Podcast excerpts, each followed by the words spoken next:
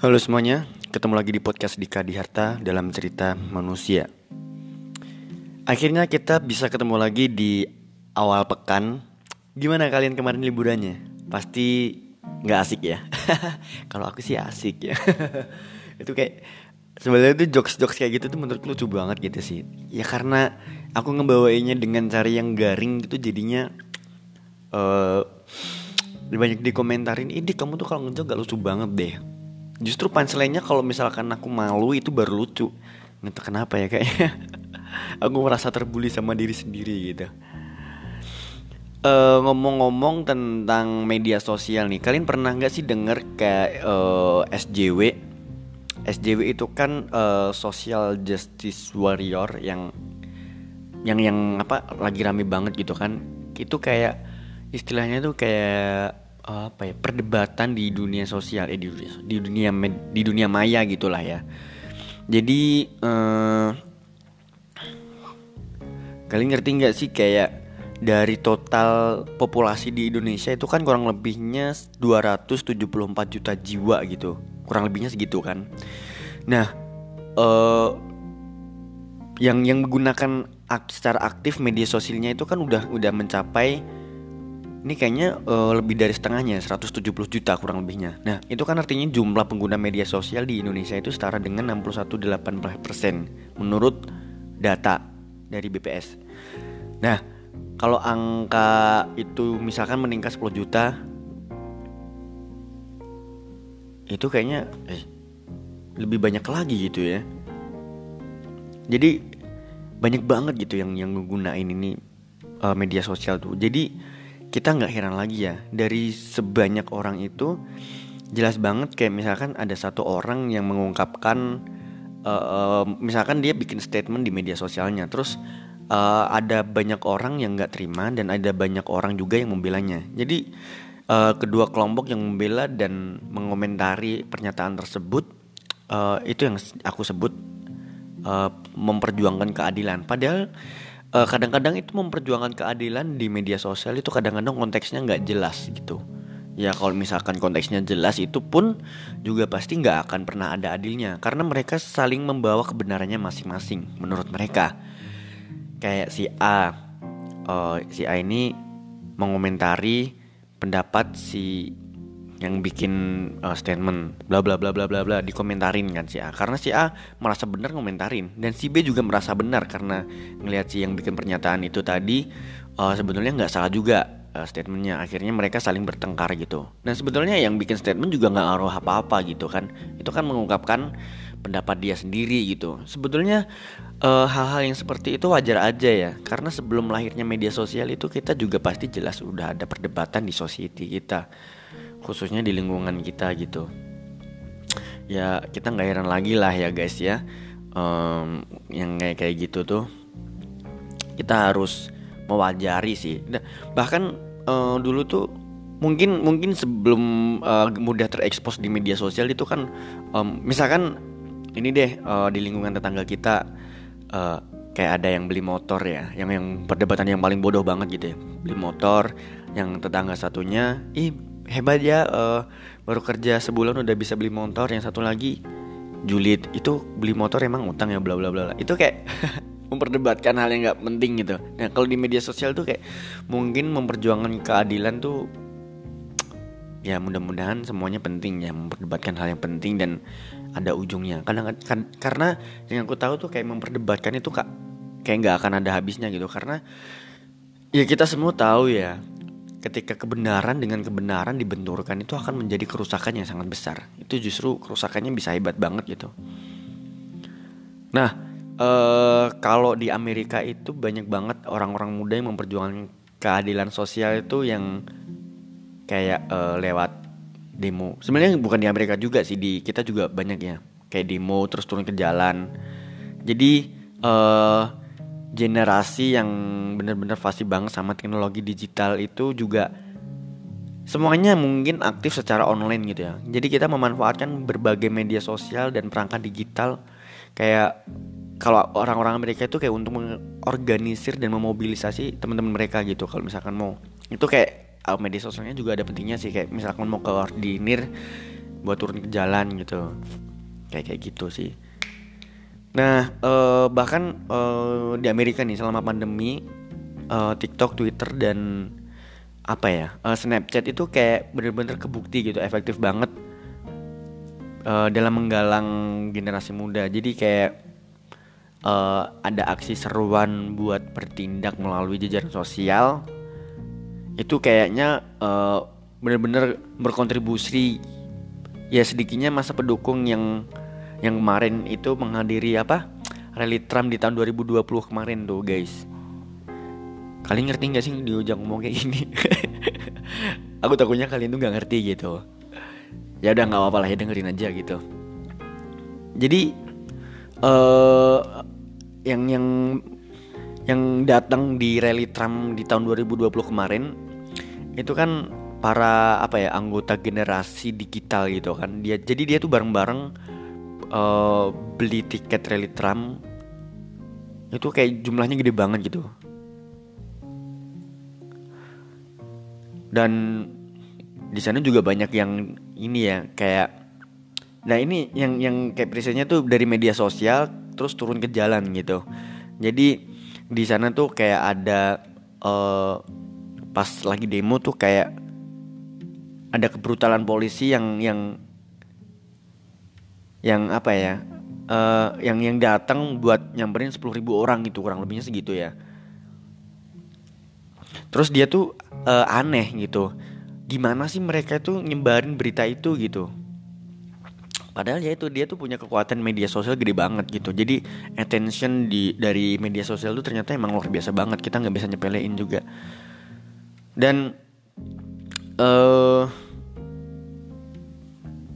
gimana ya jadi uh, kata orang di sana tuh uh, katanya ya emang bener-bener pengen banget menciptakan ruang buat demokrasi secara digital gitu. Sebenarnya semuanya udah udah udah berlaku gitu. Sebenarnya nggak uh, bedanya tuh ada ya antara kehidupan demokrasi di dunia nyata dan kehidupan demokrasi di dunia maya. Cuman ya ya you know lah uh, di media sosial itu kayaknya uh, tensi perdebatannya tuh bakal lebih panas banget gitu dibandingkan ini ya. Sebelum nggak tahu sih sebenarnya di dunia maya juga perdebatan gitu.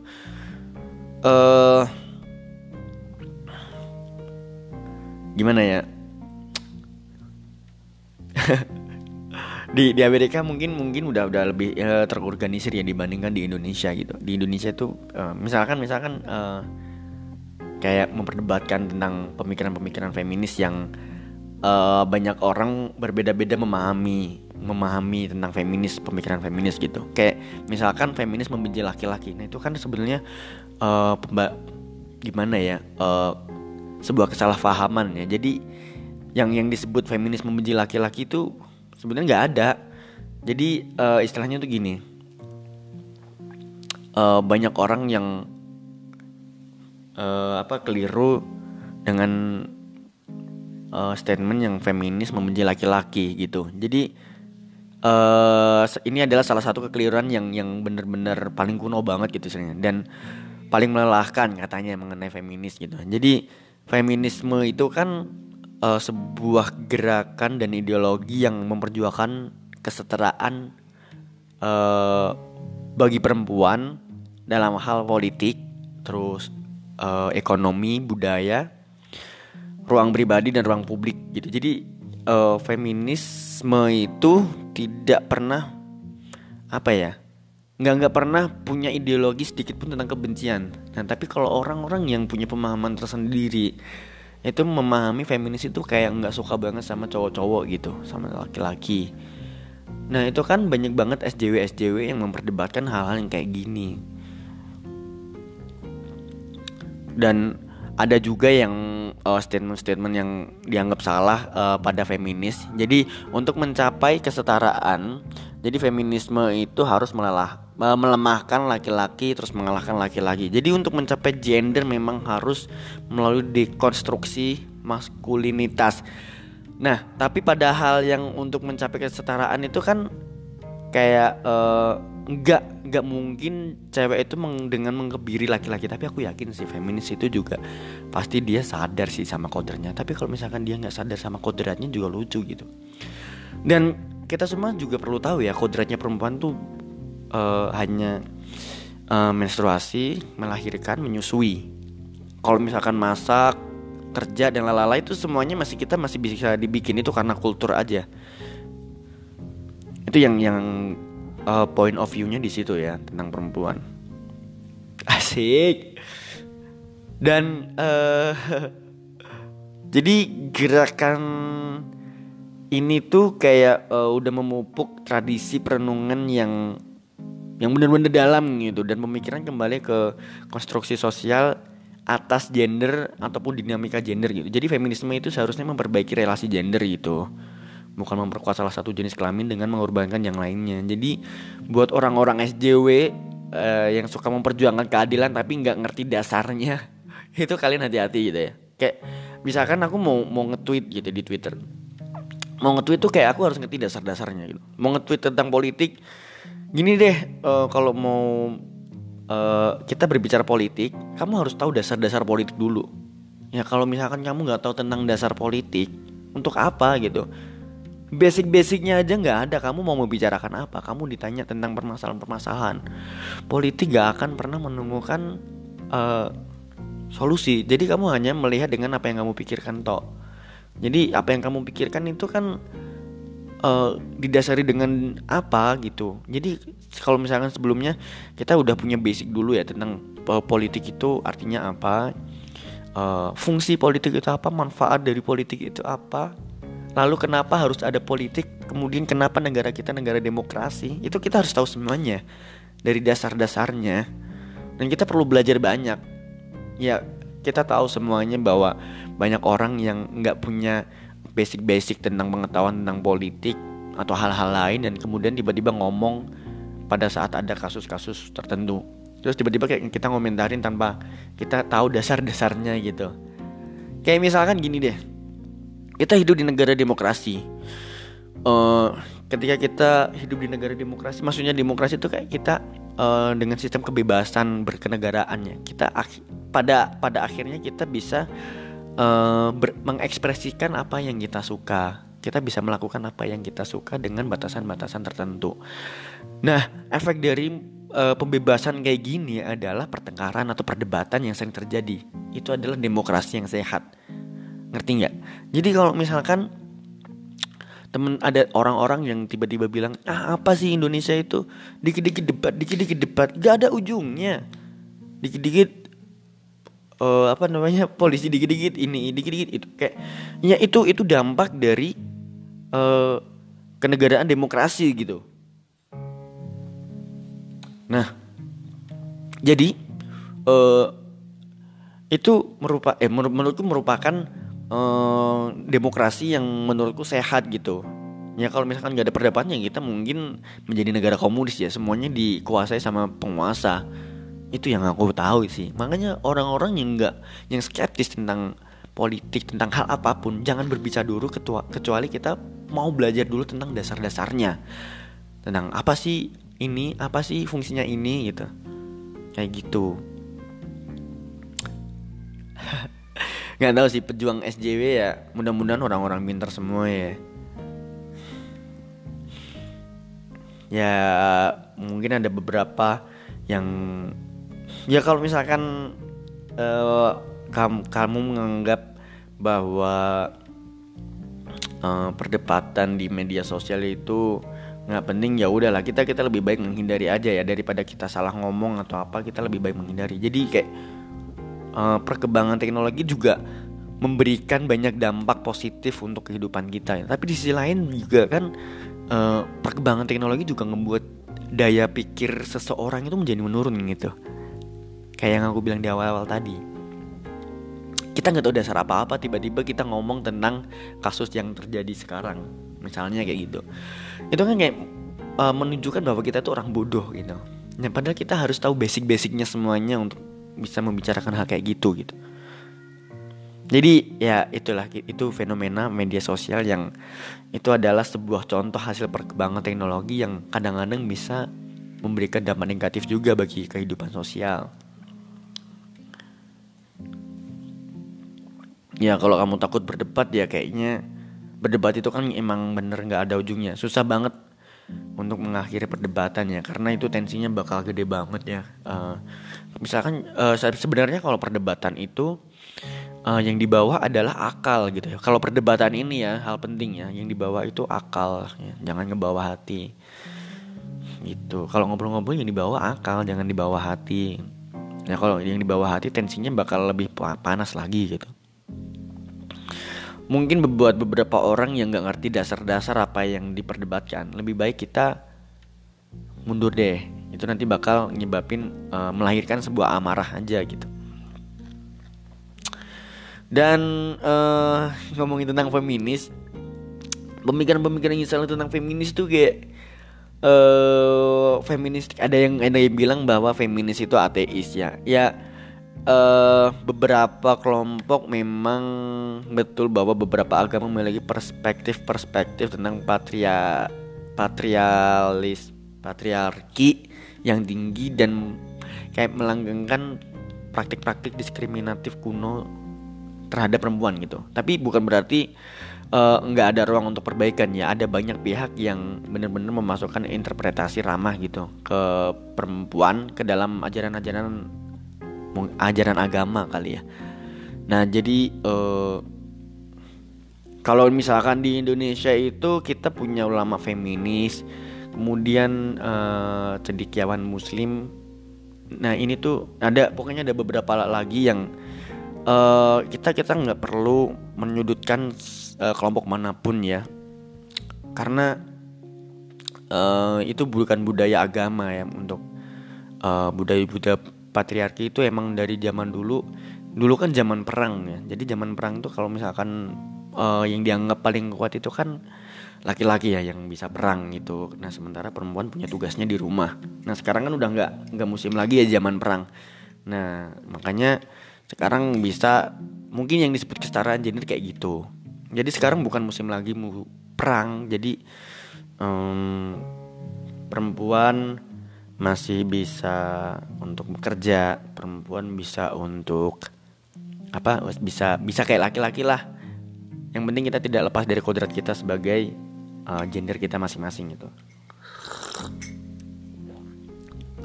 Dan ada juga yang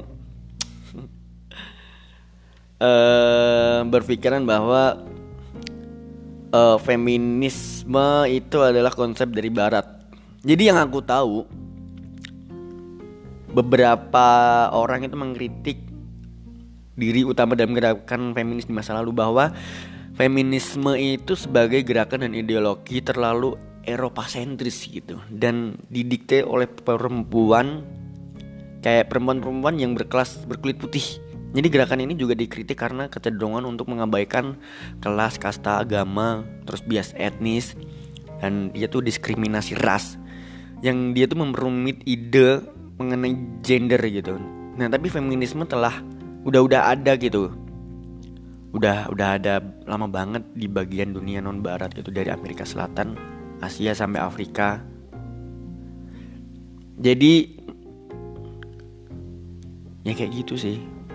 nggak ada kok konsep dari barat kayaknya feminisme ya perempuan sebenarnya pengen berdiri secara otonom juga gitu nggak nggak uh, kayak budaya budaya patriarki tuh tolong dihapuskan gitu.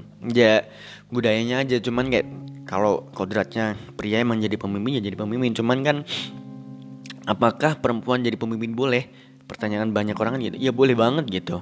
Cuman jangan lupa uh, tugasnya dia kodratnya sebagai perempuan itu seperti apa? Perempuan itu digariskan itu seperti apa gitu dan aku pribadi juga kalau misalkan punya istri yang gajinya lebih tinggi juga nggak apa-apa gitu. Itu kan merupakan bagian dari kepuasan. Yang penting akunya juga tetap berusaha untuk mencarikan nafkah buat istriku gitu. Jadi ya kayaknya ngomong gini enak banget gitu ya. Nanti kayaknya pas uh, bener-bener kita lagi jalanin kayaknya tiba-tiba uh, apa kita kena mental gitu si suami ini. Tapi mudah-mudahan enggak ya. Kita harus bener-bener open minded dia tentang oh ternyata rezeki itu emang udah ada yang ngatur. Selain itu uh, wanita juga berhak uh, punya uang lebih banyak dibandingkan seorang suami gitu. Maksudnya istri gitu. Istri di, lebih lebih juga punya hak uh, untuk punya uang lebih dari suami gitu. gitu sih sebenarnya menarik juga ya ngomongin tentang feminis tentang SJW dan feminis gitu uh, jadi ada yang yang yang paling sering banget uh, salah kaprah itu banyak yang bilang feminisme itu nggak perlu lagi karena perempuan udah start dengan laki-laki. Itu ada yang bilang kayak gitu sih. Cuman nggak tahu ya. Cuman aku mikirnya juga sama sih sebenarnya feminis itu nggak perlu lagi ada gitu. Karena emang perempuan itu menurutku emang di atas uh, pria gitu sih. Ya karena dengan berbagai alasannya menurutku wanita juga itu lebih kuat sih dibandingkan pria gitu secara mental meskipun fisik nggak terlalu kuat secara mental dan pikiran juga uh, perempuan itu lebih lebih unggul dibandingkan pria gitu menurutku. Nah jadi pandangan-pandangan feminisme tidak perlu lagi karena perempuan udah setara dengan laki-laki itu. Nah hal uh, jadi ini deh uh, kita ingat-ingat lagi tuntutan gerakan pembebasan perempuan itu kan pada tahun kalau kalian tahu pada tahun 70-an.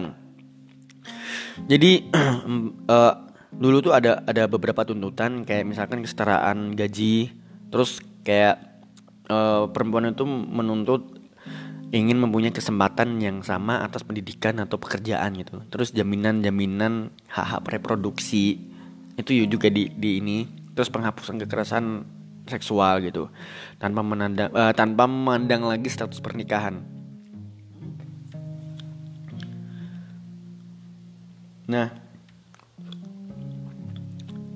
uh, di negara-negara berkam di negara-negara berkembang mungkin termasuk Indonesia kali ya. Kita kita lihat uh, fakta kita gitu. Kayak banyak banget anak anak-anak perempuan terutama yang putus sekolah uh, masih lebih tinggi daripada anak laki-laki karena orang tua mereka tuh ngelihat anak perempuan tuh nggak menguntungkan ya dilihat dari kayak investasi ekonomi ya. Ya karena eh, aduh itu sedih banget sih sebenarnya. Kayak perempuan tuh nggak dianggap penting. Padahal kita udah sama-sama aja. Udah gitu kita sama gitu. Di zaman kita bukan zaman lagi per, zaman dulu gitu. Kita zaman modern gitu. Jadi kita harus ngerubah uh, cara pandang dan cara berpikir kita yang kayak gitu tuh udah kuno banget gitu tau nggak sih? Ya kita uh, sem ya gimana ya? Uh, jangan-jangan uh, itu kan namanya diskriminasi gender banget gitu ya sekarang nggak bisa dong boy kayak gitu. Kita harus benar-benar uh, punya setara semuanya. Tapi aku lihat sih di kota-kota udah mulai ya. Cewek-cewek sama cowok-cowok udah udah udah setara gitu setara setara sosial gitu. Dan hmm, kita harus dihapuskan ya. Kayak uh, anak cowok itu investasi utama. Ya dulu dulu mungkin memandangnya cewek itu emang biasanya di rumah nggak bisa kerja. Padahal kerja di rumah itu juga capek loh.